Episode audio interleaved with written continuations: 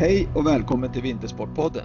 Jag som driver podden heter Wille Bylin och har en bakgrund som elitaktiv och ledare på såväl förbundsnivå som föreningsnivå. Idag jobbar jag som ledare inom näringslivet där jag inte dagligen jobbar med idrott och då ger mötet mig med poddens gäster en stor energikick.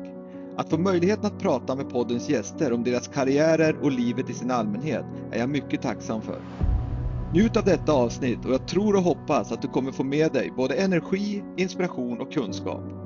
Vill ni veta mer om vad som är på gång inom podden? Följ Vintersportpodden på Instagram. Detta avsnitt är i samarbete med Brooks, eller The Running Company, som grundades 1914 och är helt fokuserade på löpning. Med sin slogan Run Happy har Brooks som mål att inspirera alla att springa sin egen väg till ett bättre liv.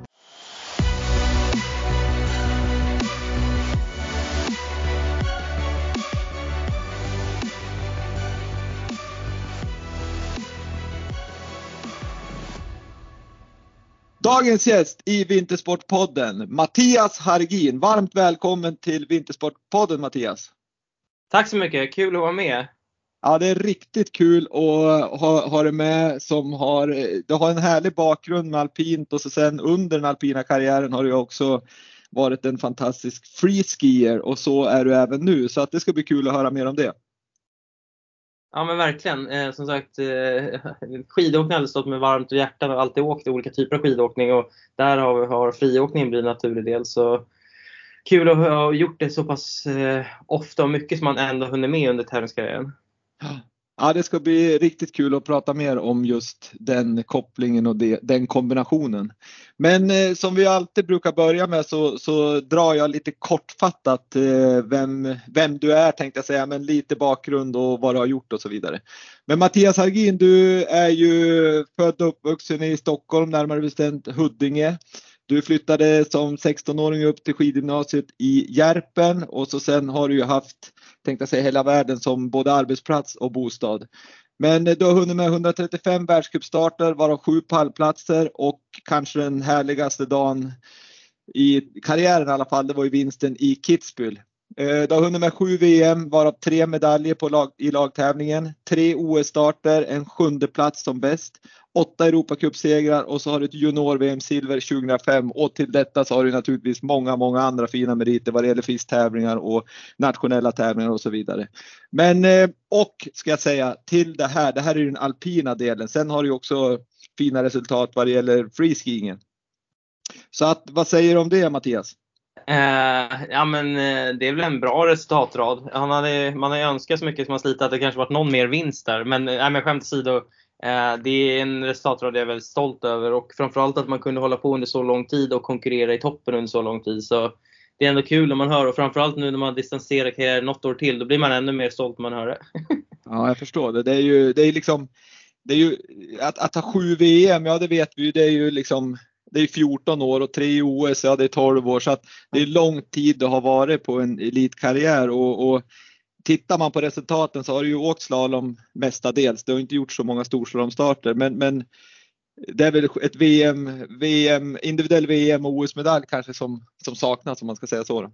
Precis, verkligen. Och de eh, var man, eller framförallt VM-medalj, var nära under många mästerskap men eh, Eh, det är mycket som ska falla på plats för att verkligen ja, knipa en av de där medaljerna. Det är väl det som gjorde mästerskapen så pass roliga och charmiga. Alltså verkligen all, allt på ett kort under en dag. Eh, något man bygger upp under en säsong både med, ja, med mentala och formen. Och, eh, men bara aldrig riktigt hela vägen där. Men eh, ja, ändå eh, får man vara glad över det. Ja men verkligen. För, för det, det där är man ju liksom man, man, förstår, jag kan ju den här sporten bra och, och, många som lyssnar är ju införstådd men jag tror ändå att det är svårt att förstå att Kör man slalom så ska det överhuvudtaget ha med toppen att göra så är det ju att ligga precis på gränsen av, av vad man klarar av.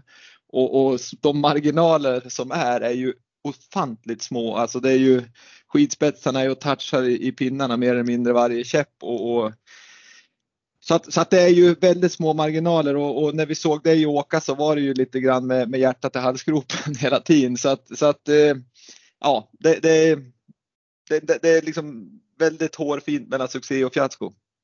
Ja men verkligen. Slalom är väl den, eh, disciplin just där marginalen som minst skulle jag säga i ja, alpina. Men det är där man hade önskat, som du som nämnde innan, att eh, inte så många storslalomstarter, men det är där man hade önskat att man faktiskt hade flera discipliner framför på mästerskap för då hade ju chanserna ökat större mm. att kunna ta medalj. Eh, men det var för svårt att få in fler discipliner. Det var hela tiden planen men det, det landade aldrig där. Så vi har alltid fokuserat slalomen för att eh, hålla en gen i verklig världsklass. Men om man ska, om man ska spinna vidare just på, på den, den, det ämnet då. Vad, om man säger, när fattar du beslutet att bara satsa på slalom? Eh, nej men jag tror det var, alltså under min juniortid så var jag nästan, ja men var ja, men väldigt bra i storslalom också. Eh, sen blev slalomen lite mer tydlig framför på Europacup-racen och sen var vi stort, så stort världscupgäng när jag kom in. Så det var lite som man blev indelad i ett fack. Alltså, eh, och fokusera för att verkligen slå sig in i det stora laget. Eh, mm. vilket jag gjorde. Men där var jag som sagt hela tiden min plan att ta upp storslalomen. Men där släppte jag för mycket träningsdagar. Man blev lite för stressad att man skulle behövde alla de här slalomdagarna. För man tittar tillbaka under den här första åren så att man skulle ha vågat träna mer storslalom och eh, litat på att eh, slalomen hade kommit ändå.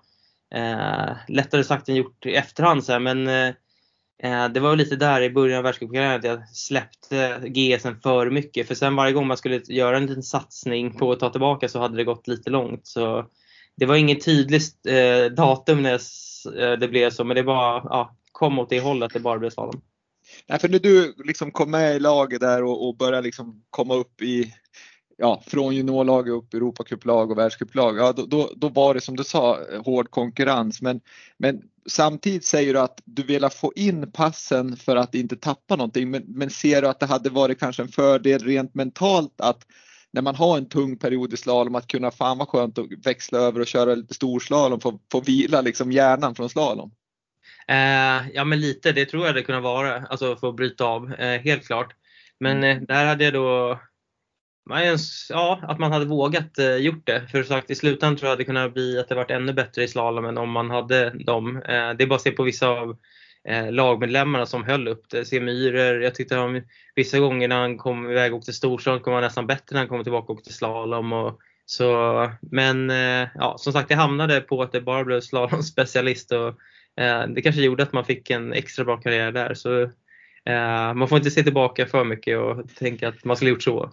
Nej, så är, så är det. Eh, men, men det är ju, hade du önskat liksom för grunden någonstans säger man ju inom alpint att grunden till allting är storslalom oavsett om det är fartåkare eller slalom. Men hade du önskat att du hade haft någon tydligare som stöttare i och liksom i att du skulle åkt med storslalom som kanske drog med och, och satte en plan för det inom förbundet? Eh, ja men lite, jag tror faktiskt under den perioden, men det var framförallt att det var så många och det var tuff konkurrens och det kanske var svårt då men att man kanske haft någon tränare som faktiskt eh, drog med en på storslalom mer och var tydlig istället för att man blev kanske inplacerad åt ett håll. Men mm. eh, eh det är mycket upp till en själv också för det man ville så fick man oftast hjälp att, att göra så, men lite åt det hållet tycker jag. Mm. Ja, intressant att höra. Bra Mattias. Eh, om vi ska kolla lite närmare om vi börjar när du var en liten grabb i Huddinge skidklubb och sprang runt i, på Huddinges gator. Så du växte upp där i Huddinge. Du, hade, du har fyra syskon, två systrar och två bröder. Eh, kan du berätta något mer hur din uppväxt var? Hade du liksom höll på med olika idrotter? Eh, hur var liksom är det dina syskon som har skolat in dig i, i det alpina eller var det någonting som kom av någon annan anledning? Eh, ja men eh, ja, vi är som sagt stor skidfamilj och det var väl lite så här, jag brukar säga att jag inte hade någon val att jag skulle börja åka skidor för alla, hela familjen gjorde det redan. Eh, och det är man glad att man fick göra. Men sen höll jag på med lite olika aktiviteter och sporter, framförallt fotboll. Eh, och eh, det hade jag väl med mig upp tills jag var 16 år. Eh, men där för mig naturligt när jag växte upp så blev skidåkning fortfarande så nummer ett. Jag vet inte varför men eh, jag tyckte det var så pass roligt. Och sen med familjen, vi åkte ju iväg när jag var från tidig ålder och hängde jag med alla syskon på tävlingar och stod väl i mål eller lekte i snön och ja, men följde med dem och därför blev det naturligt att man kom iväg på med skidåkning från tidig ålder. Eh, och där har det varit kul, mamma och pappa har ju bara inte tävlat själv men bara varit entusiaster och gillat skidåkning och sen när hela familjen kom in på det så har ju alla åkt mer och mer. Så, men, och framförallt från mina syskon har jag lärt mig väldigt mycket och hela tiden, de har ju visat lite vad som har krävts för att ta sig till toppen och haft dem som förebilder. Så det tror jag eh, har varit väldigt nyttigt för mig. Mm. Precis och, och, vi kan ju bara säga det så, så har vi ju alla fyra har ju gått skidgymnasium någonstans i Sverige och ja, åtminstone två av dina syskon har ju varit också landslagsåkare så att det finns ju både i blodet och i kulturen förmodligen. Då. Men sen, sen vet jag att du har ju varit hängt mycket i Ramenberg i din uppväxt. Har det liksom kanske både liksom att du har fått den här, för Ramenberg är väl kanske inte det som är mest känt för liksom alpin racing utan skolade det dig någonting till även den här kärleken till sporten och den här freeskiingen? För det är ju otroligt fin puder där ofta. Eh, ja men verkligen. Eh, ja, vi hängde där så ofta vi kunde med familjen och det var där jag lärde mig åka skidor på riktigt. Eh, och eh, ja, Ramberg är väldigt, ja, ett av de snörikaste ställena i Sverige och ja, man var ute och lekte det mesta i, i skogen. Men sen hade vi ju möjligheter eftersom det är ganska ett litet ställe och just då var det väl ännu mindre folk där så hade vi ju nästan, det är roligt, jag sitter och kollar så gamla skidfilmer nu när vi tränade när vi var yngre, hela familjen. Vi hade ju en bana i ja, slalombacken där som vi bara kunde ligga och rulla runt i hela familjen. Uh, och det är lite kul ändå för det är inte det lättaste att få en plats i en backe men det fick vi där och hade väldigt bra stöd från dem. Och sen var vi ett större gäng som tränade i Funäsdalen mycket och ju äldre man blev så var det ju rätt bra strukturerad träning med tränare ja, men där uppifrån. Men det är ändå härligt hela den miljön i Rameberget för det är ett ganska litet ställe men väldigt bra skidåkning och ja, det var där vi hängde som sagt eh, mestadels av uppväxten när man kunde. Ja härligt, det är, liksom, det är som en, nästan en dröm det där kan jag tänka mig att, att få åka och så just med hela familjen. Det är det som är skidsportens bästa att hela familjen kan på något vis vara involverad oavsett om man liksom tävlar eller om man är förälder så, så är man med och kan åka och serva och hålla på liksom. Så det är ju det är härligt så, sport. Ja men verkligen, ja det är det. Men du, jag tänkte på, sen då när du var 16 så flyttade du upp till Järpen och gick skidgymnasiet. Yes. Hur, hur var eh. den liksom, eh, hur var den resan? Kände du liksom inför Järpen, var du förväntansfull eller hade du ångest att flytta från mamma och pappa eller hur, hur var det?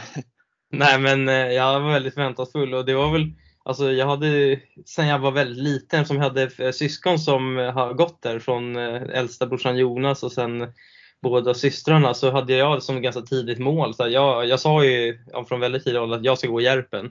Sen insåg jag ju när jag kom närmare att det, det var ändå svårt att komma in på Järpen så det gällde ju att prestera. Men eh, så för mig kändes det som naturligt steg för jag hade tänkt det så länge.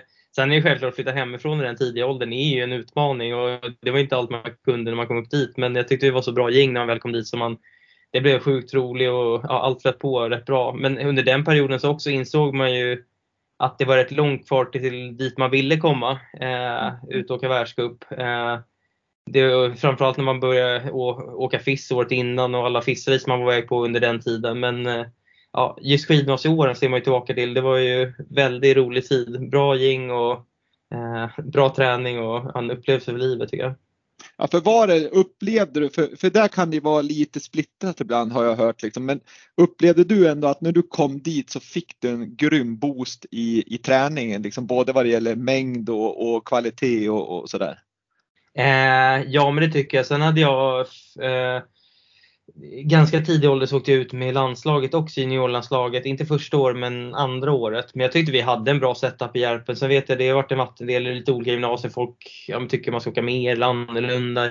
Men jag tyckte vi hade en jäkligt bra setup där och härligt gäng med tränarna som var där och eh, stöttade den på en bra sätt. Eh, sen jag kom ifrån en också, vi hade ju rest väldigt, och åkt väldigt många dagar innan jag kom dit. Så det blev ju säkert ingen total ökad dos så, men jag tyckte det var en väldigt bra tid och setup. Mm. Ja, härligt. Jag har själv gått där så att jag kan stryka under att det var väldigt, väldigt bra och framförallt en tid som man ser tillbaks med, med stor kärlek och, och eh, någonting som man nästan skulle vilja återuppleva. ja, eller hur? Ja.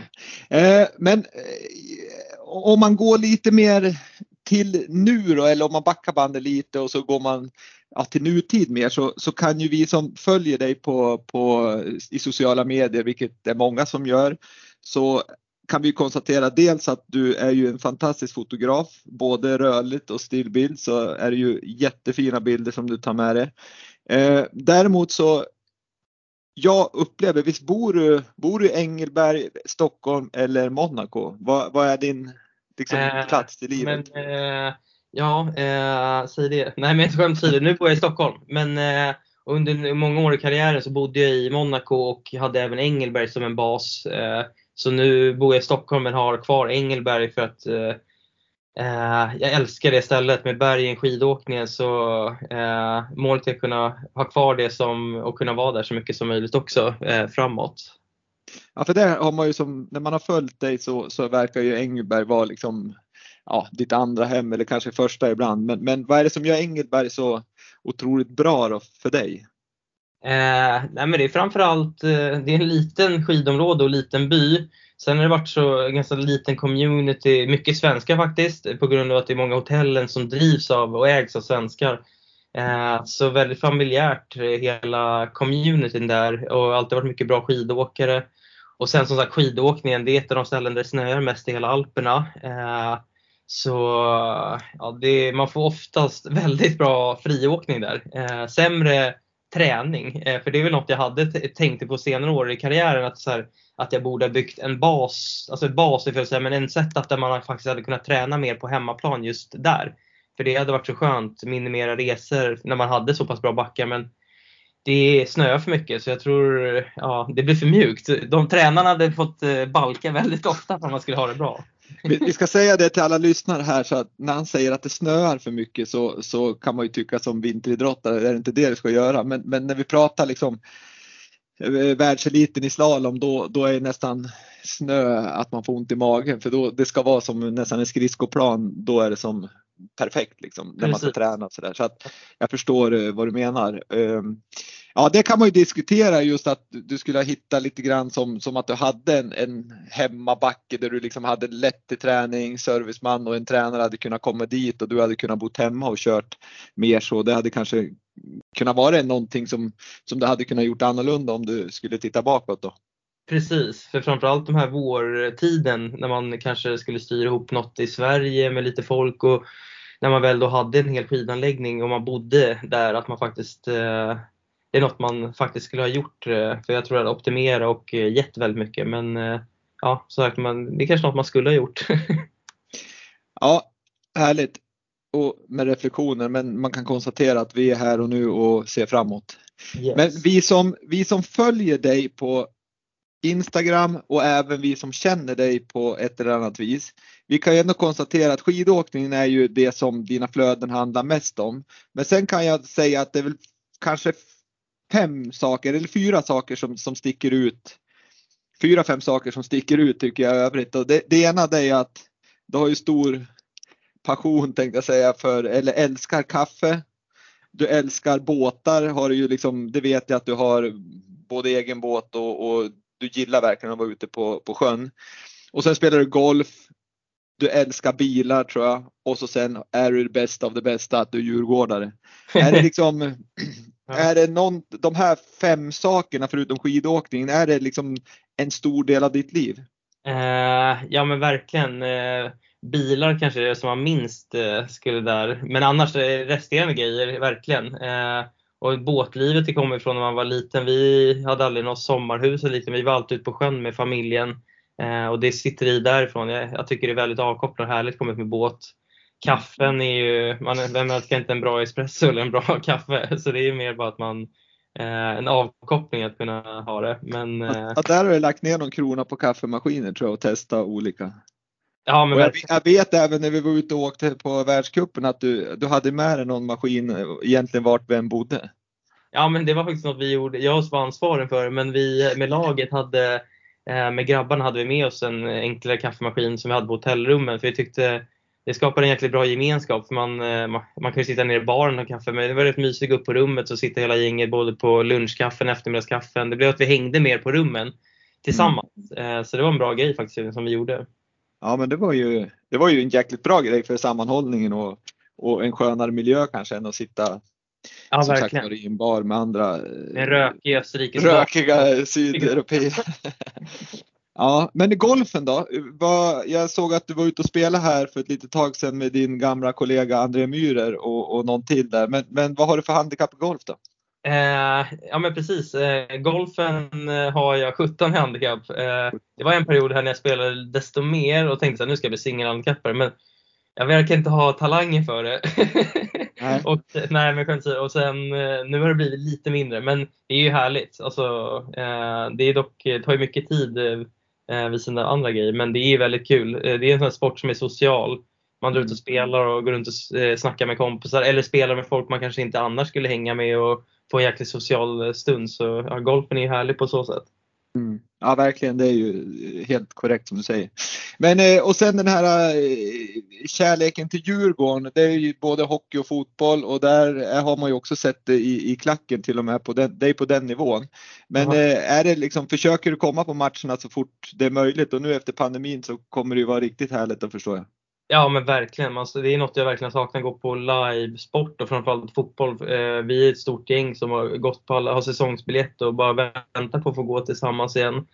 Och genom åren när jag bodde utomlands så var det man försökte tajma det hemresor med eh, bra matcher och när man visste att man måste ja, vara där. Så mm. jag tycker ja, det är jäkligt kul. Eh, det och framförallt när man som, som man stått i klack. För jag tycker så här, det skapar en gemenskap och tryck och lite, ja men det är en kul extra, ja det är jäkligt roligt tycker jag. Eh, mm. Och nu kanske man sitter på en lugnare läktare men eh, gemenskapen är desto bättre. Och, eh, så både hockey och fotboll har varit, framförallt fotboll har varit väldigt mycket. Men under den här tiden då när, när du när du var aktiv så att säga på, på, inom det alpina ska jag säga då, ja. eh, på världseliten där och, och, var det någonting som både golf och, och fotboll, båten och, och, din passion för kaffe, var det någonting som ändå du kände liksom att du hade nytta av att, att kunna koppla bort liksom, tankarna på sporten och, och slappna av med hjälp av de här aktiviteterna? Ja men verkligen, det tycker jag. Alltså, det tror jag är viktigt att ha lite andra ja, grejer vid sina av där du känner att du kan koppla av. Och ja, fall det är då några andra sportaktiviteter eller du gör, hänger med kompisar eller har liknande, går fotboll. Det är verkligen, det är ju ett sätt att tänka bort och göra någonting annat. Det tror jag är lite viktigt. Och där tycker jag faktiskt friåkningen har varit så del, även fast det är så pass nära skidåkningen. Men för mig var det ett sätt att koppla av, även fast man kunde bli jäkligt trött av det. Men för att när du väl du kom iväg och åkte skidor men du tänkte inte på just tävlingsmomentet eller vad du skulle göra för tekniska detaljer eller på nästa race utan bara var där och då och njöt av skidåkning med kompisar och insåg hur jäkla roligt det är. Eh, så det var också ett sätt att få koppla av. Jag förstår. Och om vi ska komma in då på just din, skulle jag säga att din enorma kärlek för sporten. För jag har ju sett många liksom, elitåkare inom alpint och även andra sporter som, som om man så spelar hockey eller fotboll så blir det ofta så att man har det som ett yrke mer och så, och så gör man det och så sen är det nästan så att man slutar åka skidor eller slutar att spela hockey den dag man slutar ja. med karriären. Men för dig har det ju verkligen varit så här eh, grejen hela tiden och jag menar nu efter karriären så åker du ju väldigt, väldigt mycket skidor och ibland så kunde man se det liksom, har varit iväg på ett läger eller du har startat en världscuptävling och dagen efter så är du ladda på i Engelberg på berget med kompisarna liksom. Så att eh, det känns som att det är, har varit din grej. Känner du att om man skulle säga kopplingen här, kombinationen elitaktiv inom alpint och den här liksom din passion till friåkningen och, och vara ute på, på berget. Har det liksom på något vis fått en negativ påverkan så där rent här fysiskt så att du har blivit trött och känt att fasiken jag skulle inte ha gjort det där igår? Eh, ja men någon gång självklart komma tillbaka till läger och kanske skulle ha vilat lite mer. Men jag resonerade ofta så här, fasen Uh, ja, men jag tyckte det var så jäkla roligt och uh, tror i slutändan fick jag mer energi av det. Men eh, ibland kanske man skulle ha fått eh, stå av skidorna och vilat lite för att vara ännu mer kraft när man kom tillbaka på till läger. Men eh, så några få gånger. Men eh, sen som sagt, jag tyckte det var så roligt så i, i långa loppet tror jag det har gett mig mycket mer än vad jag hade haft utan, utan det. För jag kan ju tänka mig det är svårt också att, att vara i Engelberg och så uh, snöar det en meter fluffig snö. Då är det ju svårt att inte gå ut. Ja men då får man ju, man, det var det jag gjorde så här, men imorgon har jag vila. Så satt man hemma med morgonkaffe och så ser man att det kommer då en halv meter, en meter och så här, då får, mår du ju mentalt dåligt för att du ska sitta inne en hel dag och bara Ja, köra ja. dag. Så då var det så här, äh, fan sen drar det upp. Eh, men det där är en balans också. Men eh, ja. Jag förstår det. Men, men det var aldrig så att landslagstränarna eller din, liksom, ditt skidmärke som ändå är din kanske största intäktskälla under, under karriären, de som det skidmärke du åker på och, och sådär. Det var aldrig så att de sa åt dig att Hörru, du gör inte det där, det är för stor skaderisk. Det. Eh, nej, faktiskt ingen, ingen från skidmärket och ingen från landslaget heller som sa. Däremot så hade man ju tränare som sa, tyckte de att man skulle vila lite mer ibland. Eh, Mm. Och när man väl kom iväg första dagen på läger och kanske inte hade den bästa dagen första så kunde de vara lite såhär, ja du ser, där kanske du skulle ha vilat. Ibland var det mer en omställning när man åkt lössnö och sen ska du in i is. Att, och jätteaggressiv och att det kunde ta några åk innan eh, det satt igen. Det är så här, framförallt när jag åkte Nordica för det var väldigt extrem setup jag hade där. Eh, men det var det som var det bästa när man väl vann ett race för då kände jag så här, nu kan jag ingen säga så här, för jag vet att det var många som sa att så här, att han skulle åka ännu bättre ifall han inte skulle åka friåkning. Så här. Men då kändes det bra, så här, visst, man, ja, men då har man ett re- segerrecept här. Skämt åsido. Men eh, vi hade ju en dialog med tränaren om det också. Eh, hade vi. Men ingen som sa så här på grund av skaderisk lite. Utan, men det var ju något jag tänkte på själv och hela tiden fick ha kalkylera och tänka så man inte gjorde något dumt eller dumt. Mm. Jag tänker på eh, naturligtvis skidmärke som du åker på eller åkte på. Så det är klart att med din otroligt fina liksom, sociala medier-kanaler så, så är det klart att de fick ju även ut, när du åkte friåkning så hade de naturligtvis ut ja, av dig också så att det kanske fanns en win-win för dem. Ja men eh, verkligen säkert. Eh, så, ja, så kan det garanterat ha varit. Men du, det som jag tycker ändå senast, jag tror det var i fjol det här eh, som, som det visar liksom din så här härliga Eh, passion till skidåkning. Det var ju när du körde i Stockholm city fick du för och liksom, det kom dumpa väl där några, några decimeter så körde du där inne i stan. Vad fick det för reflektioner från, från eh, tänkte säga publiken, men från, från eh, allmänheten? Eh, nej men det var faktiskt något som skapade väldigt mycket eh, reaktioner eller så här, väldigt positiva kommentarer och väldigt många som har sett det. Och det är så här kul, man har åkt runt en hel vinter och haft jättefin åkning och härliga bilder och extrema miljöer. Men sen åker man några svängar i Observatorielunden hemma i Stockholm och det är faktiskt det som har väckt mest intresse. Eh, men det var en rolig grej för jag ja, men kom hem efter att ha varit i Schweiz en längre period och så hade det ju faktiskt kommit snö i Stockholm. Jag hade med alla grejer och Eh, sa så här, fasen det hade varit kul för det snöade lite. Och sen två dagar senare kom det nästan en 15 centimeter, 20 och tänkte jag så här, nu måste jag passa på att ja, men, nyttja det här. Eh, så och hade varit och kollat också Torilund och vart man ungefär kunde åka. Så var det faktiskt tjejerna, för jag blev lite rädd eller kände mig så här lite att det nästan lite pinsamt att komma skidgående med skidorna mitt i stan och hoppa ut där. Men så då var det hon som pushade mig så här, men fasen vi gör det nu. Så gick vi dit och sen när vi väl kom igång då var det ju skitroligt för det blev ju, man fick alltså det var ju korta och några svängar men när man väl hade gjort några så var det så här, man sprang upp så man kände sig som ett litet barn när man var barn och sprang runt där och lekte och folk som stannade och så här, fast jag ska hämta mina skidor och sen var det jättemånga som hade samt likt mig tänkt tanke men de gjorde det inte eh, och blev lite så här, fasen nästa gång det snöar ska jag göra det. Så det var en liten rolig grej eh, och eh, ja, eh, lite härlig eh, kvällsaktivitet inne i stan. Ja, och jag, för, för mig då som, som känner till dig sedan tidigare så var det faktiskt eh, när jag såg det så, så var det lite grann som du beskriver det här med barnet som springer upp och ner och, och, och kör liksom några svängar och så springer upp igen. Så, Ja. så, så tyckte jag att jag såg ju ändå liksom glädjen i dig och jag förstod ju att det var ju en passion för dig det där liksom och du gjorde det verkligen med hjärtat. Ja, Men, verkligen. och, och, det, och, det roliga tycker jag i den där, det var ju att du sa att det hade varit extrema miljöer, det har varit Schweiz och det har varit överallt och åkt liksom både helikopter och, och filma och naturligtvis jättefina bilder. Men jag tycker ändå bilderna ni fick därifrån också var ganska cool för att vara i observatorielunden. Ja men verkligen. Så, ja, men det var en, en kul grej och som sagt eh, skönt att få känna sig som ett barn igen. Även fast man var Ja. 35 och sprang runt där. Ja, det är riktigt. Man ska inte göra. Det är bara en siffra åldern. ja. Men du Mattias, om vi skulle prata om din, vi har varit inne lite grann på eh, ja, dels eh, dina liksom, intressen där med golf och och båt och så vidare. Men om vi, om vi håller oss till golfen, men framförallt kopplat till, till den alpina karriären, så mm. vet ju alla fall de som känner dig, men jag tror även att lyssnarna här som har sett dig på TV bara genom karriären vet ju att du är en extrem tävlingsmänniska. Mm. Um, och, och, det är naturligtvis bra att vara tävlingsmänniska men vi vet ju också att, att det kan, alltså det är ju grym tävlingsmänniska så det har ju liksom svårt att ta en förlust. Är det någonting som, för det första, är, är jag på rätt spår? Eh, ja men det är du, eh, verkligen.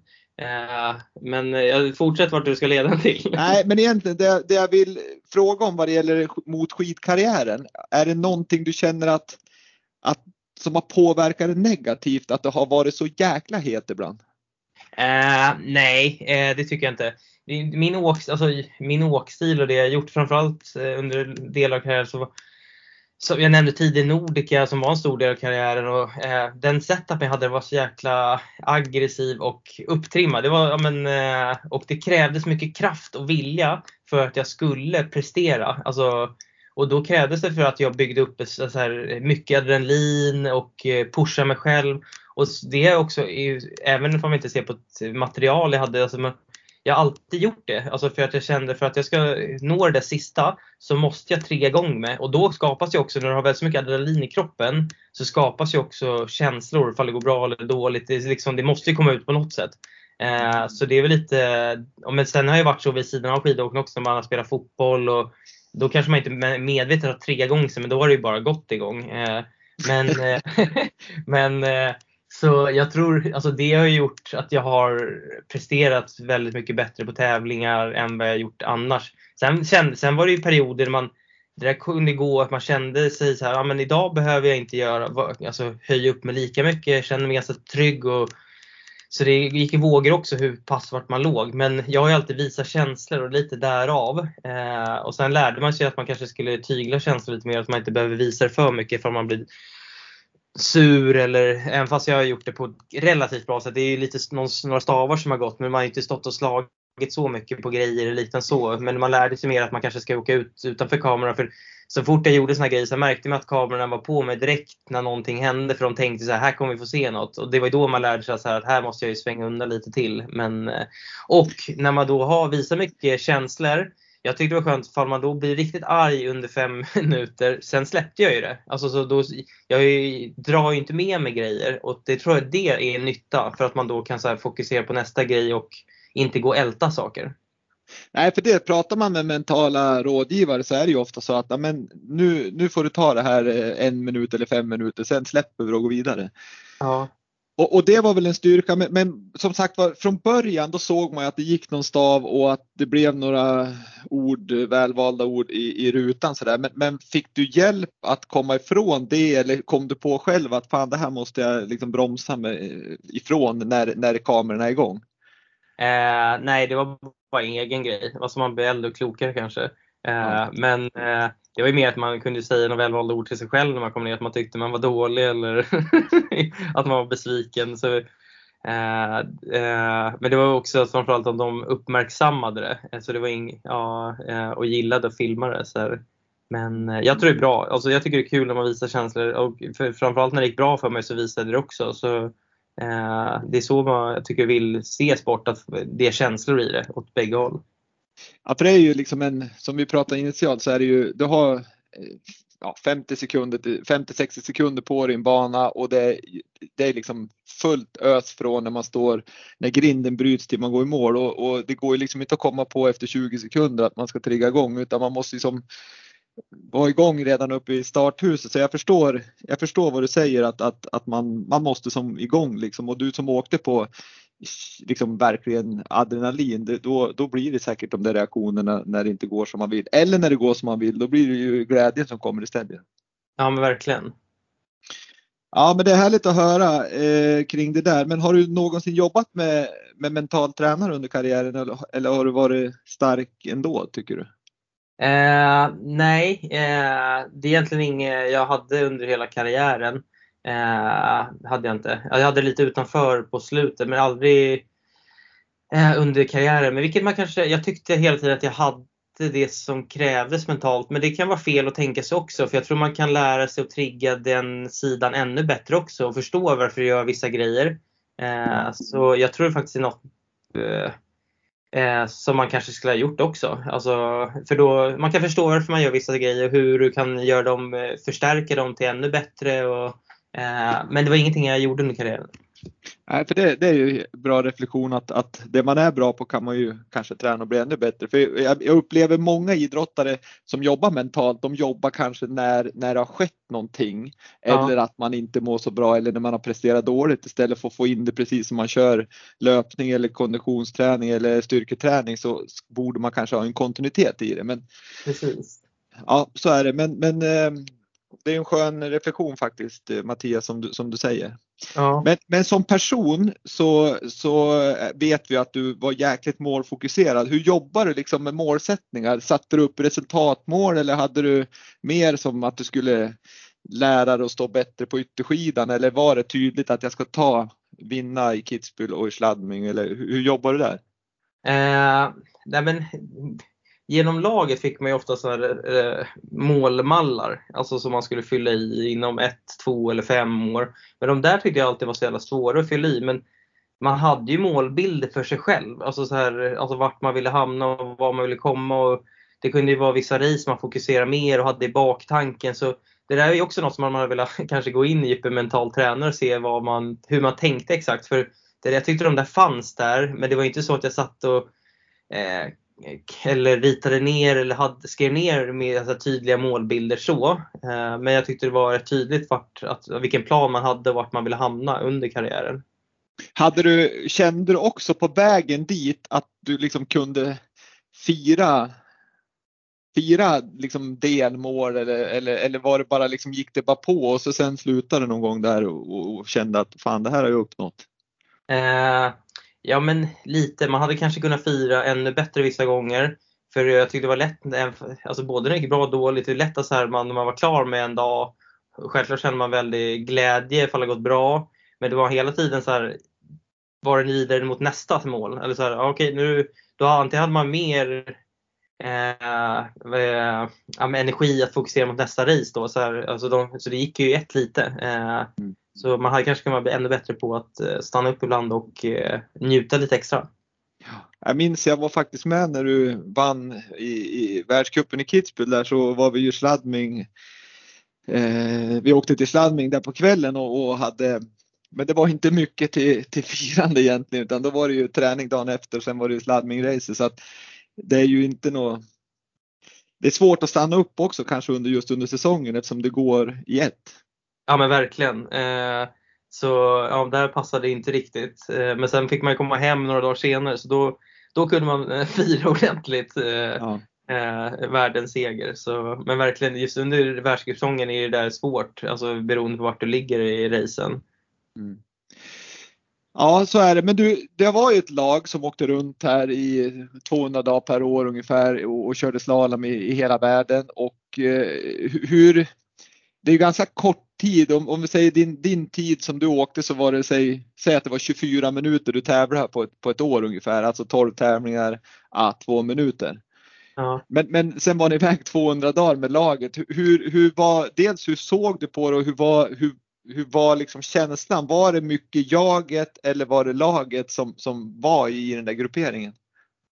Eh, Nej, men jag tyckte det har gjort hela den här resan mycket roligare. Att vi var så pass stort gäng under många år och så framgångsrika eh, och härliga grabbar och alla ville ju prestera eh, och var ju riktiga tävlingsmänniskor. Och självklart, eh, ja, men jag tyckte vi funkade väldigt bra som en lag. Man hjälpte och stöttade varandra men eh, alla ville ju vara, ja, inte, ja, men bäst. Alla ville ju vara den som skulle vinna race. Och det där tyckte jag ändå funkade på ett bra sätt. att man eh, hjälptes åt och unnade varandra framgångar fast man lika gärna man ville vara där ännu mer själv. Eh, för mm. det triggade oss. Både, vi var ett gäng som kom ganska stort från junioråldern uppåt. Eh, det är liksom, vi triggade varandra. Ena dagen var, eh, ena helgen på race var ena åkaren bäst och nästa helg den andra.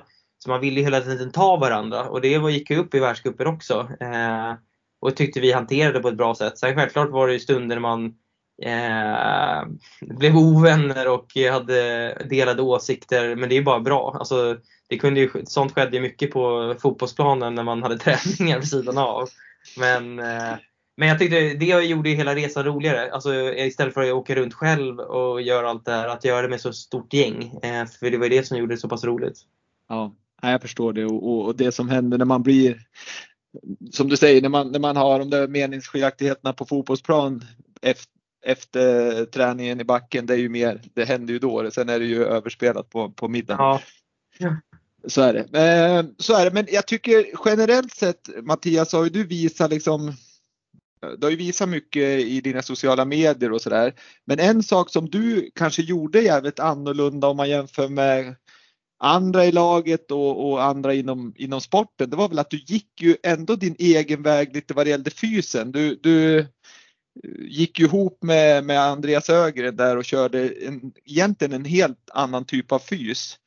Eh, var, är det någonting du känner fortfarande var rätt eller är det någonting du skulle vilja ändra där? Uh, och, och egentligen då, om vi börjar med att säga vad var det för typ av fys som du gjorde egentligen som, som skilde åt? Uh, nej men egentligen var det, alltså, under, det är lite kul att se tillbaka under karriären. Man har ju tränat, jag har hela tiden alltså, haft väldigt stort fokus på träningen men man har ju haft perioder där man tränar olika. Eh, jag tror det är bra att eh, bryta av alltså, så det inte blir för eh, enformigt. Eh, och sen under en period så går, tror man ju på olika saker. Men det var en period, alltså när jag stötte ihop Andreas där så hade jag haft ganska ont i ryggen eh, under en längre period. Hade börjat komma igång med, med styrkan igen. Och så kom vi in på hans tänk, det de då kallar 3D-träning. Det är mer ett sätt att sälja en träning. Men alltså köra styrketräning, istället för att bara stå med stång eller köra upp och ner så försökte vi köra i flera plan. Köra alltså lättare vikter kanske i sidled, framåt, bakåt, rotationer, lite som skidåkning är. Och direkt, lite mer funktionellt då kanske? Ja, men lite mer funktionellt. Eh, och det där var ju så här, jag kände ju direkt att så här, ja, först började vi ganska små vikter men att jag, jag byggde upp en styrka och helt plötsligt kunde jag göra grejer jag inte hade kunnat innan. Eh, där ryggen hade satt stopp och jag började bygga en styrka och kunde göra det här mycket tyngre, hårdare. Och blev jäkligt bra i det och framförallt hur jag rörde mig på ett mycket bättre sätt. Och det där tyckte jag var många tränare runt omkring som kanske inte lade märke till att man faktiskt rörde sig bättre. Och så när man väl kom iväg på snö så fick jag typ inte ont i ryggen eller man blev stel i ryggen av att man åkte skidor för man var redan lite förberedd här. Så det var en period där jag kände mig jäkligt vältränad och bra av det. Sen hade man kunnat se tillbaka delar av det. Vi körde väldigt högintensiv träning. Eh, man kanske hade kunnat växla av lite, att kört samma typ av eh, styrketräning men vävt in någonting annat i själva konditionsdelen. Eh, för det var väldigt högintensivt, färre pass och stenhårt. Jag blev jäkligt vältränad av det. Men det är väl det, men själva styrkedelen tyckte jag var jäkligt bra. Något jag hade önskat jag hade kunnat ta in tidigare i karriären. Eh, men fått en mix av lite annat där. Hur märkte du av det här eh, lågintensiva? Alltså att du, in, att du hade lite brist på lågintensivt, var det att du blev trött när du sen kom och tränade slag, alltså på skidor eller var det att du kände dig sliten, att det blev för högintensivt under träningsperioden? Eh, nej men det är väl mer när jag ser tillbaka nu. Nu håller jag på att träna rätt mycket lågintensiv kondition. Jag håller på med lite cykling och grejer. Då så här, känner jag en del i kroppen hur skön den träningen också är. Och det hade jag ganska tidigt under karriären ganska mycket av också. Då har jag bara reflekterat så här, att den delen kanske hade varit skönt att haft också. Eh, för att om man pressar kroppen för hårt hela tiden. Eh, det kanske är bra med den här lite mixen eh, mm. av det. Men, ja, det är klokt. Ja, för jag tror det sliter hårt när man hela tiden kör de här eh, högintensiva, lite som crossfiten är också. Det känns som de dunkar de hårdaste passen efter varandra dag efter dag. Eh, mm. Men eh, framförallt det gav effekt. Jag blev väldigt tränad på det. Sen eh, som sagt när man var 33-34 så kanske man inte orkar lika mycket som när man var 25. Så man, där kanske man kunde tänkt smartare. Men jag tyckte det var en väldigt rolig och eh, fick en jäkligt boost i kroppen av det. Ja, och dessutom så ska vi säga det att förmodligen var det också, det var ju ganska liksom pepp, peppande verksamhet, men sen hade ni ju tränar ju väldigt mycket med hockeyspelare, alltså NHL-spelare och SHL-spelare som, som också kanske gav en viss energi när du hade levt med slalomkillarna hela, hela liksom vintern och sådär. Ja men verkligen, vi var ett jättestort gäng som började träna istället och jag i många år har man ju bara tränat fysen själv. Eh, väldigt många pass man har gnetat runt vilket är lite eh, bra för det mentala också att bygga. Men då var vi ett jäkligt stort gäng med alla hockeygrabbar, många som jätteduktiga NHL-spelare som man blev inspirerad av. Så då blev det också en sån här, eh, kompisgäng som tränade och vilket gjorde att eh, träningen blev ännu roligare. Eh, så det tror jag också är viktigt, alltså en mix av att kunna få in det där också. Mm. Ja, det är kul. Eh, om vi bara ska prata slutet på din karriär här så, så kanske det gick lite fortare än vad jag hade tänkt. Hade du, hade du en plan på att fortsätta en säsong till om det inte hade varit så att resultaten kanske uteblev? Var, var det, när, när fattade du det beslutet? Var det efter VM i Åre eller hade du planerat det längre? Nej, alltså det kom eh, alltså tidigare än vad jag hade tänkt. Jag hade eh, i huvudet inte tänkt så här att typ efter Åre VM ska jag sluta men det kom ganska snabbt och sen eh, av lite olika anledningar och eh, under den år, alltså 19 säsongen så gick det ganska motigt och när det, då tyckte jag det mentala började bli jobbigt också. Och då, jag hade aldrig tänkt tanken men när jag väl började tänka tanken så att det kanske är läge att ja, men sluta eller börja tänka på då kände jag så här, det har jag aldrig tänkt innan och då tror jag det är läge eh, att göra någonting annat. Eh, men det var också lite, eh, kroppen sa ifrån lite mig. Alltså orkade inte riktigt mer. Var på den träningsnivå som har varit. Lite att jag, jag gick lite i väggen under den perioden. Eh, och eh, visst, man hade kanske kunnat tagit ett eh, uppehåll och kommit tillbaka men ja, det var många signaler som sa att jag skulle, behövde vila och eh, när då prestatet gick emot mig så kände jag att så här, nej, jag har varit med så länge, presterat så bra. Så nu känner jag att jag kan avsluta karriären var det. Men det kom ju inte plötsligt, men det var ju inte något jag hade tänkt på särskilt länge. Känner du nu i efterhand att det var rätt beslut? Eh, ja, men det tycker jag. Eh, eh sen var det en res, alltså, jag tänkte att det mentala kanske skulle bli mycket bättre efter man slutar påfrestningar från eh, ja, tävling och träning. Allt. Eh, men det tog ju längre tid så det är kanske något man hade kunnat handskas med när, när det var i tävlingsmomentet också. Men jag tappade så mycket av eh, eh, det mentala eh, fokus, eh, vad säger man, det mentala gamet på tävlingar och självförtroende, allt sånt där också. Mm. Eh, så det går hand i hand och det var lite det jag tycker jag var min starka sida under hela karriären. Jag kunde ha ganska dåliga träningsperioder men jag visste när racen kom så kunde jag stega upp eh, levla upp till det och göra, alltså, ändå åka bra. Och det, när man tappade det lite också, då kände jag att eh, jag hade tappat en stor del av min eh, drivkraft. Mm. Men självkänslan ändå efter karriären var bra, liksom att du känner att Mattias Argin är ändå Mattias Argin så att du inte var liksom den här alpinstjärnan som inte var värd någonting längre. Ja men ja, verkligen. Men sen eh, det jag tycker har varit en intressant resa också efter karriären. Eh, jag tänkte alltid eh, så att allt skulle vara eh, lättare steg. Men sen inser man ju så här, du, du har ju varit alltså, elitåkare, skidåkare under så pass lång tid så du, det är ändå en omställning eh, och det tycker jag har varit en intressant eh, resa att känna på för nu man får chansen att starta något nytt och fokusera på andra grejer men Eh, det har ju varit svårare än vad jag tänkt, alltså på ett sätt, eh, men mm. också väldigt intressant resa. Mm. Ja, det är, det är många idrottare som, som kan ha lite problem efter karriären liksom sådär med, med det mentala för att det är klart att både som du säger det här tävlingsmomentet försvinner, mening, vad, är det, vad, vad, ska jag göra idag liksom med, med mitt liv? Tänkte. Allt har varit så jäkla fokuserat och så sen dessutom att man har varit en person. Men det känns ju ändå som att du, du kör vidare på rätt så bra bana. Ja men verkligen, det finns uh, mycket saker att ta av så det, det är härligt. Och jag tycker skidåkning är fortfarande en stor del vilket jag tycker är så pass roligt uh, och ska försöka fortsätta med. Ja det tycker jag verkligen ska göra.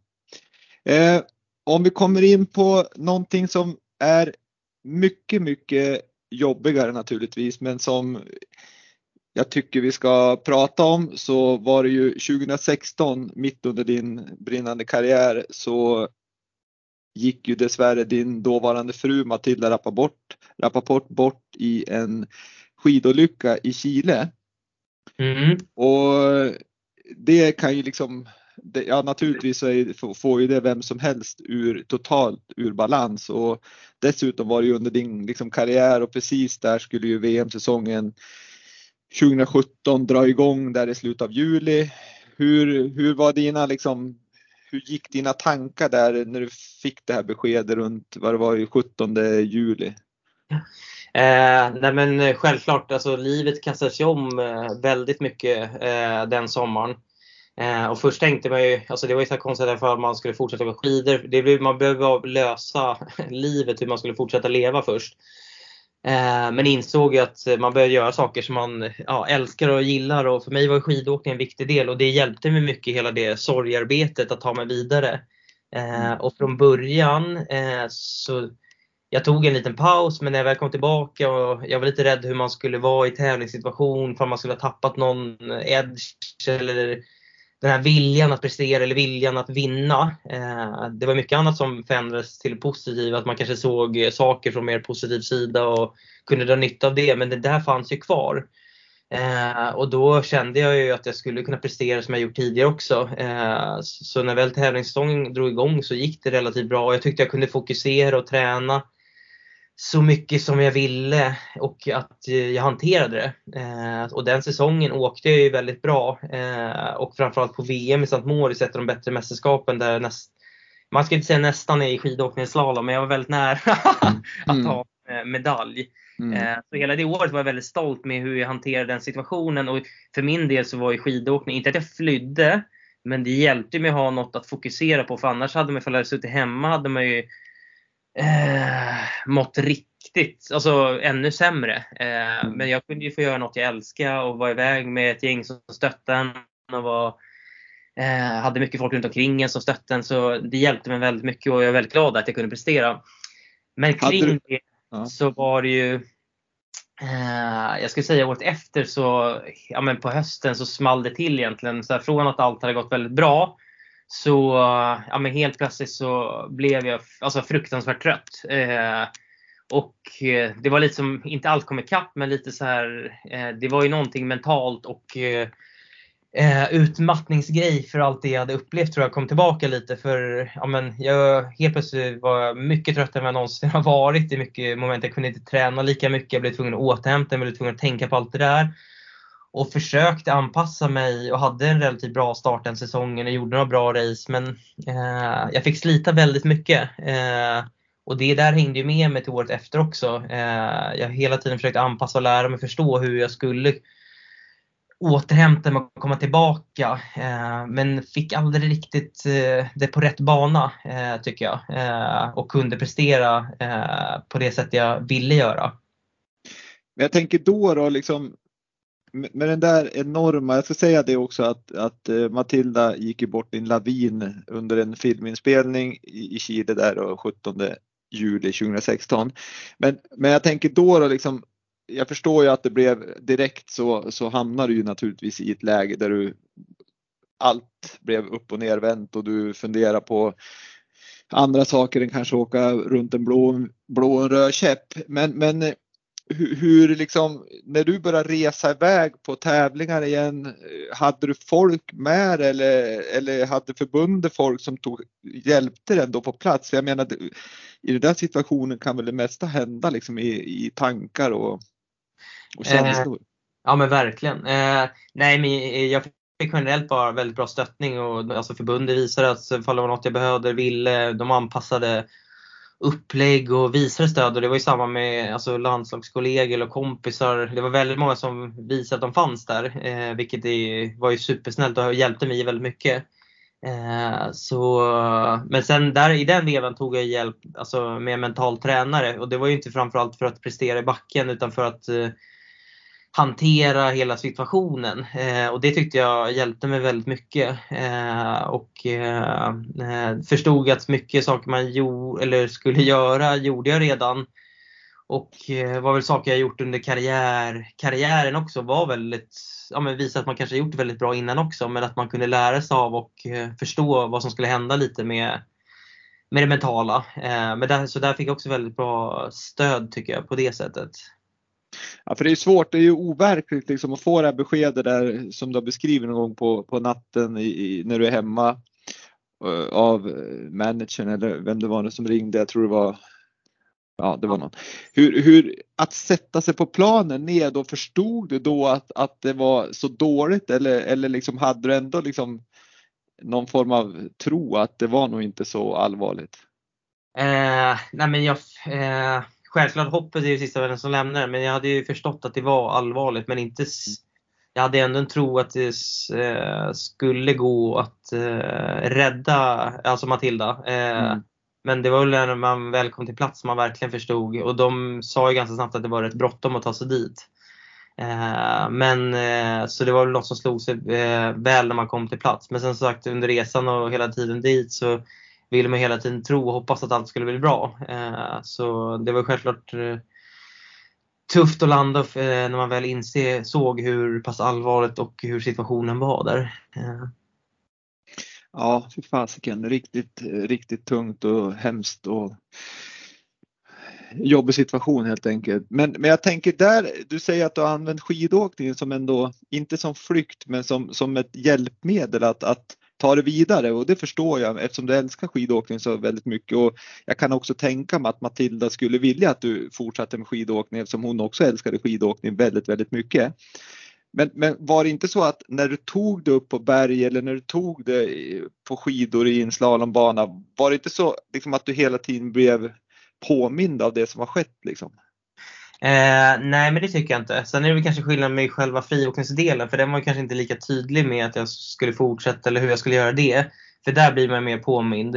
Men i själva slalomdelen och allt det, det var ju mer, man insåg hur viktigt det var att ha något man kanske har driv och passion för och faller det då att man kanske har ett jobb eller en hobby eller vänner man gör grejer med så eh, tror jag är extremt viktigt i en sån situation. Eh, för som sagt, jag hade suttit hemma och kanske inte, ja men tänkte att jag hade slutat åka skidor och inte haft något riktigt att göra.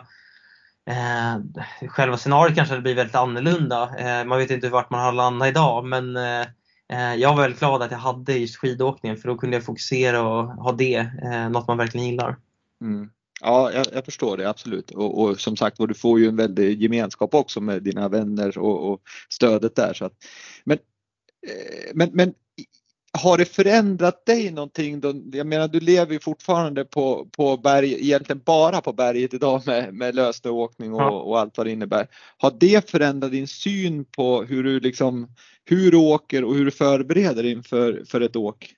Eh, ja men verkligen. Alltså, Eh, det är mer, alltså, jag är ju, det påminner mig alltså, än idag alltså, om riskerna och ibland kan man ju fortfarande känna sig inte lika trygg som man gjorde innan. Alltså att man blir påmind av att det kan hända saker, vilket är bra att ha i baktanken för då tror jag som sagt säger att du förbereder tydligare och eh, är mer medveten med saker du gör och tar fler bra beslut. Eh, men, och det har man försökt lära sig nu när jag är ännu mer i bergen och ännu mer friåkning, att man försökt lära sig mer om det och förstå mer hur allting fungerar för att eh, som sagt bli ännu bättre.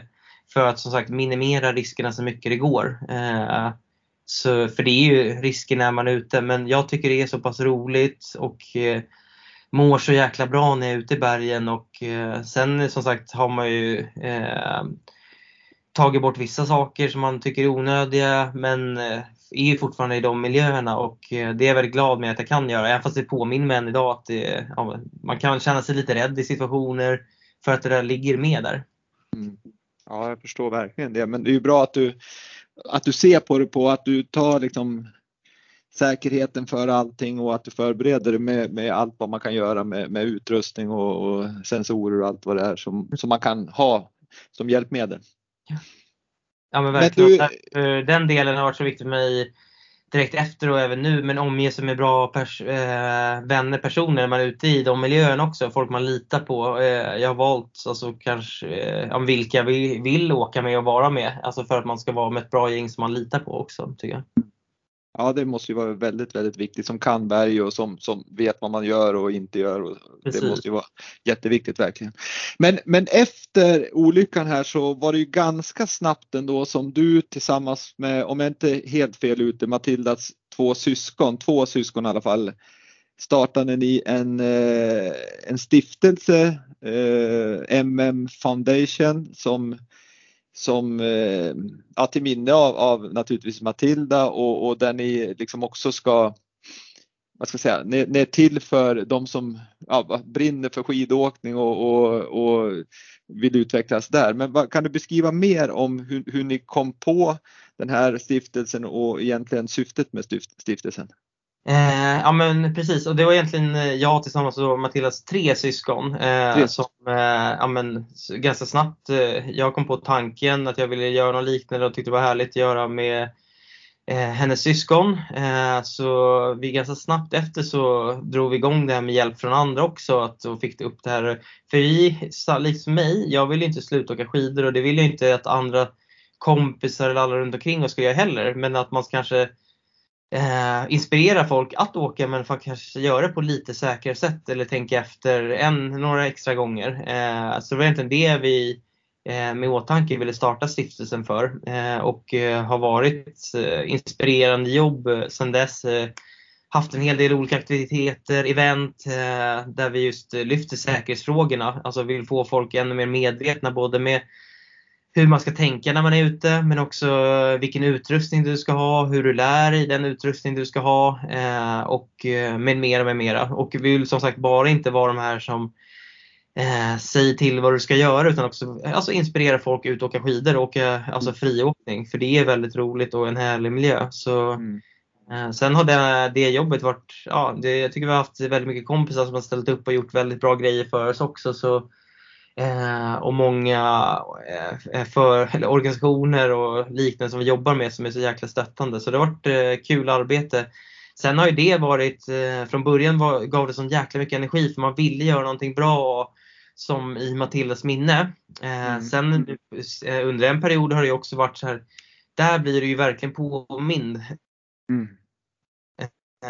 om både Hilda men också farorna och allt runt omkring. Eh, så det har också varit så under perioder det är eh, det är också ganska tufft arbete men det är ju en viktig och vi brinner för det så eh, i slutändan så är det ju väldigt roligt och något vi vill fortsätta och driva och göra ännu bättre framåt. Mm. Peng, pengarna, eller kan man söka pengar här på något vis eller hur, hur funkar det? Alltså utifrån? Eh, det kan man göra. Vi har stöttat lite olika organisationer och personer men vi har inga eh, årliga stipendier eller liknande utan mer haft eh, egna event eh, som vi har skapat. Mm. Ja, framförallt riktade kring utrustning, hur du ska få ja, men, testa och lära dig din utrustning ännu mer. fokus på sådana grejer och Eh, lite olika träningsutbildningar eh, och eh, sen som sagt stötta en hel del olika organisationer och för att sprida ordet utanför våra kanaler också. Så eh, Vi har haft en del olika aktiveringar under åren här. Och, men som sagt, vi stöttar eh, och har funderat på om vi ska skapa ett årligt eller liknande stipendium också för att det ska vara lättare för folk att ansöka om. Men, eh, eh en, ja, så det är något vi funderar på. Ja, men det är en väldigt fin, eh, fint initiativ av er och, och, jag tycker liksom initialt så är det jättebra att, att ha sådana event, att, att verkligen lära sig det här och inspirera folk att, att eh, åka skidor och, och, och, vara försiktig tänkte jag säga, men framförallt lära sig handskas med utrustning som finns. Så det är väl ett jättebra steg. Ja men verkligen. Eh, ja, men spännande Mattias och, och riktigt eh, gripande och stark berättelse där om, om den där olyckan. Men innan vi avslutar den här, det här poddavsnittet så tänkte jag bara säga att i inspelande stund nu så befinner du dig på Mallorca på ett, om jag får kalla det, även om du har lagt av elitsatsningen så är det på träningsläger kallar jag det för att eh, jag har fått reda på att du är med i någonting som heter Min klassiker tillsammans med, eller tillsammans med, men ledd av Johan Olsson som eh, ska tillsammans med dig och några till träna inför den svenska klassikern. Precis. Eh, så det var faktiskt en väldigt rolig grej. Jag blev tillfrågad eh, under våren, eh, ganska tidig sommar, för jag ville vara med på det här. Och egentligen är min klassiker det är ju för att lyfta upp alla klassikerloppen och de då min klassiker har skapats som en liten tv-serie under år, och två tidigare år. Mm. Eh, där de har följt lite mer kanske vanliga motionärer i den här eh, resan hur man ska klara en klassiker. I år har, det, har de valt lite annan approach, lite andra profiler som kanske är lite mer tränade men fortfarande har utmaningar klara här och där är jag en av dem. Och jag ja, men tackade ja efter lite eh, fundering eh, men insåg alltså att jag älskar att träna och så ifall jag kunde få med det här och få så pass bra hjälp av Johan bland annat och lite andra eh, tränare de har runt om. Eh, så jäkligt rolig grej. Så därför har jag fått en liten ny, eh, inte nytändning men jag börjar cykla och måste simma här inför Vansbrosimningen. Så jag har fått en tydlig målbild i träningen igen så jag tycker det är skitkul. Så nu på Mallis blandade semester med att vara ute och cykla Idag har jag cyklat fyra timmar, och, eller tre timmar och sen varit ute och simma en timme. Så det, det är nästan högre träningsdos än jag hade när jag var Nej, för jag, jag, ser det. Om du ska, du ska springa, simma och cykla. Och sen längden också. Sen. Och längden också, ja, förlåt, ja. längden. Men vad, vad, ser du som den största utmaningen då? För cykla har du gjort hela din liksom, karriär när du har tränat också tidigare va? Men Precis. är det simningen som är liksom den klurigaste? Ja men simningen var ju den jag var mest rädd för och tänkte så här, det här kommer jag inte fixa för jag tyckte inte jag kunde kråla. Men sen fick man lite små tips och jag ändå tycker jag behärskar det. Men nu är jag på nivån så jag klarar det. Jag är ute och joggar i vattnet. Men har inte riktigt förstått hur man ska spurta eller springa. och det är det man måste göra om man vill vara snabb. Men däremot så har jag börjat hantera det så jag tycker det är jäkligt häftig träningsform. Eh, ja. Superhärligt. Ut i havet på morgonen och simma 1000 till 1800 meter här på morgonen och det är superhäftigt för det blir som en mental, du måste fokusera och an, hitta andningen så det blir ganska avslappnande på ett sätt. Eh, men eh, sen största utmaningen kommer vara på ett sätt tror jag längden. Jag har åkt väldigt mycket skate eh, när jag har åkt längd genom åren och tycker det är väldigt roligt men jag har aldrig åkt klassiskt. Så där behöver jag verkligen Johans alla tips för hur man ska bli stark och orka staka ett helt Vasalopp. Eh, men du har en riktigt bra överkropp så där kan du gå på, på mentala och, och, så överkroppen så det tror jag är lugnt. Ja. Nej, men det är intressant och den, den som sagt var den serien kan man ju följa av min klassiker och det, det, tycker jag ni definitivt ska göra för det är intressanta namn där med, med Mattias i spetsen tänkte jag säga så att det, det ska ni verkligen titta på. Eh, jag börjar snart vara klar här. Eh, vad, vad tänker du dig framåt Mattias? Vad liksom, någon gång så kanske det är svårt att spela in filmer på, på berget och så vidare. Vad, vad har du liksom för tankar framåt? Har du någon affärsidé som, som du tänker på eller, eller tar du dag för dag? Eh, nej men lite, som sagt efter jag slutat min karriär så har jag fortfarande åkt väldigt mycket skidor och jobbar med många av de partners jag haft här och eh, skapar mycket content, foto, film tillbaka till de eh, samarbetspartner jag har och för egna kanaler. Och det där i fotofilm är något jag tycker är väldigt roligt att, fort, att jobba med. Eh, och det är något jag skulle kunna tänka mig jobba med på, hos andra också, eh, om man säger så. Mm. Men eh, målet för mig är att kunna skapa en flexibel livsstil, alltså kunna träna, kunna vara aktiv men ha saker vid sidan av. Och just nu håller jag på att väva in saker vid sidan av.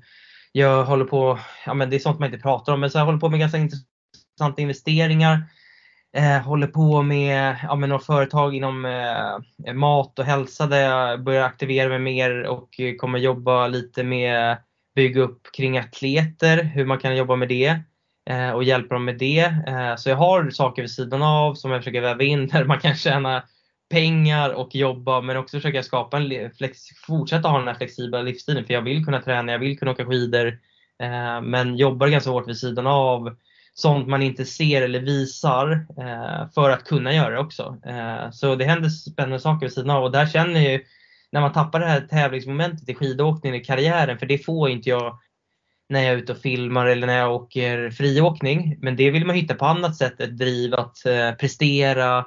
Och det kan man ju känna som att jag verkligen letar efter i eh, säger man affärslivet eller på andra mm. ställen. Eh, hittas där man kan vilja lägga sin energi i fokus också. Eh, för det tror jag man kommer göra och det, det där gnistan, det längtar man lite efter och det är väl det jag söker och eh, förhoppningsvis kommer att hitta snart där.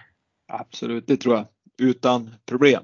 Mm. Jätteintressant. Och jag kan säga det innan vi går in på de sista frågorna att, att vill ni följa Mattias resa både vad det gäller träningen inför min klassiker men även hans liksom, ja, det han berättar om här och framåt så, så är det ju ett tips att följa Mattias på Mattias Hargin på Instagram. Precis. Då, då får ni bra fina bilder och inspiration. Det tycker jag ni definitivt ska göra. Men nu ska vi gå in på, vi har två lyssnarfrågor och en generell fråga som vi ska göra ganska snabbt här. Men den ena, vi har diskuterat just det här med laget en hel del. Så en lyssnarfråga är helt enkelt så här. Vem umgicks du mest med i landslaget under din tid?